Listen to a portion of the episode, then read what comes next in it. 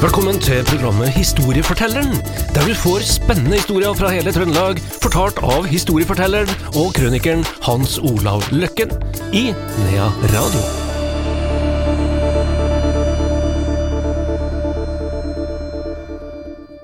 Historiefortelleren tilbake, Nea Radios ukentlige program med historiefortelleren og krønikeren Hans Olav Løkken. Velkommen hit i studio, Hans Olav. Jo, takk. Du har i dag lovt å ta oss med til Drivdalen. Drivdalen er en kjent plass. Det er vakkert. Det er vakkert oppi der, og vilt, og alle bør kanskje gå en tur øh, den her øh, veien som het Vårstigen.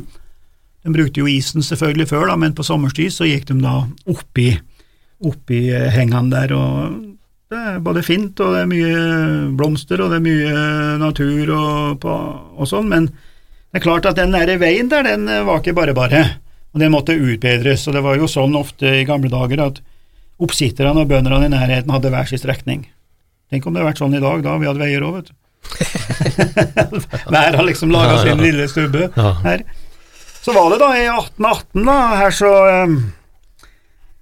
eh, kom eh, en som het Guttorm eh, Sætrom opp til pressgården på Vang da i Oppdal og ville ha presten Rønnaug i tale. Han eh, Guttorm ville da begjære begravelse av sin egen bror, som, som het Sæmund, da, og den eh, Sæmund har da funnet døden på en eh, ganske så tragisk måte. Hvis vi ser på dokumentene fra den eh, her, da, som og det her har jeg fått uh, tilsendt fra en, uh, Kjell Haugland i historielaget i Oppdal, da, skrevet av en som heter Erling Hestnes. og Det er litt rart med de dokumentene, fordi at uh, de hadde bestemt seg for å dra på, på rensjakt om våren. Og Det er liksom ikke helt sånn det skal gjøres, da, for det er jo litt vanskelig å forstå at du drev jakt på en rein som var utmagra. Altså, det, det, det, er vanskelig for oss å forstå det som å drive godt på rensjakt, for den skjer jo om høsten, ikke sant, det har jo med, med kalvinga, og det har jo også med legg på seg og, og, alt det der å gjøre, da. Men de bestemte seg for å dra en tur, da, og de dro av gårde tirsdag den 19. mai. Og uh, han har tatt med seg hvert sitt gevær, da, og, og, og rusla oppover det vi kaller Hesthoggon, da, som er en sånn det er vel en sånn campingplass eller en sånn uh, informasjonstavle og sånn oppe i Drivdalen der i dag, da. Og der oppe så ville han Ingebrigt da skyte ut ladninga i geværet. Gikk med ladegevær, så ville han skyte det ut og, og for å sette inn uh, nytt og fersk ladning, da. Så var det sånn at geværet var i en føderal. Det var trangt, det var tettsittende, så han Ingebrigt han sleit noe for å få det her opp, og klarte det ikke, så skulle han Sæmund hjelpe til, da, selvfølgelig. Han var vel kanskje litt ubetenksom, men slik at geværet var retta mot seg sjøl. Og han tar tak i føderalet og begynner å dra, men det gikk ikke særlig bra. Men under denne balinga da, med hele varetrekket, så, så eh, har vel antakelig hanen gått tilbake, da. Gått i spenn. Og så kom det vel en liten puff igjen, og plutselig så klikka det på fenghetta. Og resultatet var da at skuddet gikk av, og traff en eh, Sæmund da på høyre side. Kula gikk gjennom kroppen og, og traff da en, en, en sånn sammenlagt kniv, matkniv, og og forsvant ut på høyre bukselomme bak, da. Så det var nok et dødelig skudd, dødelig sår, uten at de visste det akkurat da, da.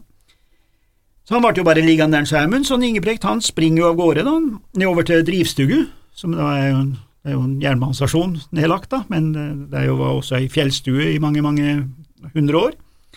Så han drar jo dit da for å få hjelp, og han får med seg to tjenestekarer. Da en som het uh, Berhaug Olsen og Haldor Pedersen, og det er liksom viktig det her at en nå former to stykker. De dro av sted da, selvfølgelig for å bære en uh, Sæmund nedover, uh, og de fant den i sin fulle fem, så han uh, fortalte hva som har skjedd, og de var jo i fortvilelse, da, spesielt Ingebrekt, da, han var jo fortvila for at, at han Sæmund hadde blitt skutt og alt det her, da. Så de her tjenestekarene de prøvde jo å bære med seg Sæmund, men det gikk ikke, så de dro nedover for å hente båre.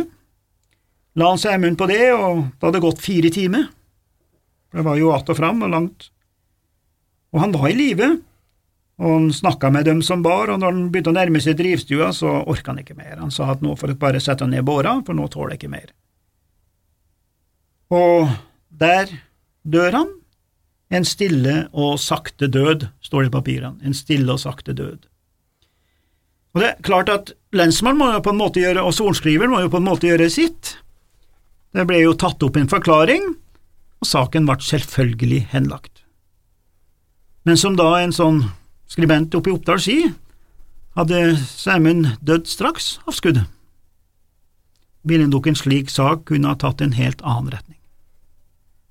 Og det er jo, det er jo liksom to pluss to og få fire der. Mm. Så eh, her var det jo vitner da som Det var ikke Ingebrigt sin skyld, da. I samme område, oppe i Høglia der, så skal vi møte en som het eh, Vammer. De kalte han bare for Storvammeren. Han hadde dårlig rykte.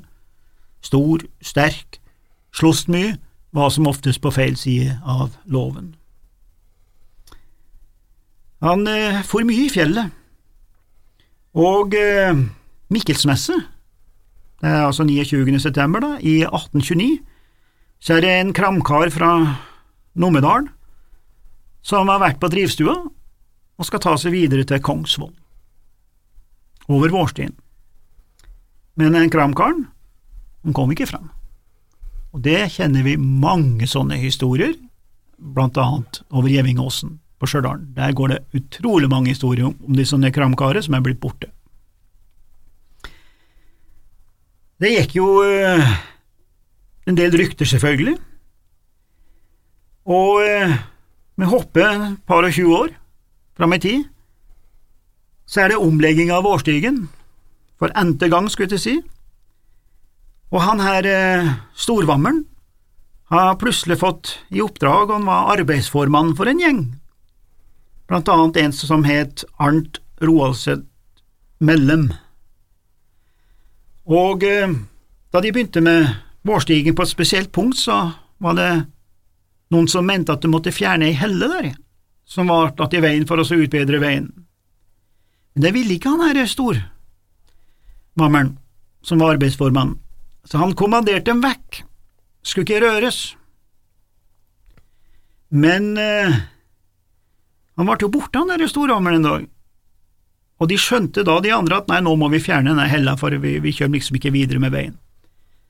Og de fjerna hella, og der lå det et lik under, da, beinrestene. Da hopper vi over navn, og vi hopper over rapport og alt mulig, men da begynte han her Arnt Mellom å prate, han var en sånn eh, fyr som spesielt i lystig lag var ganske så løsmunna. Og han begynte å prate om at han har hørt om noen som har ropt oppi der for, for over 20 år siden, om at du må spare mitt liv, du må spare mitt liv, ta heller alt hva jeg har. Da, og eh, det gikk jo en del sånne rykter, da. Så han Storvarmen, han trua jo han der Arnt med at du må slutte å prate om dette her. Men som sagt, han prata videre, for han da fikk han seg en liten dram, så kom sannheten vino veritas for fullt der.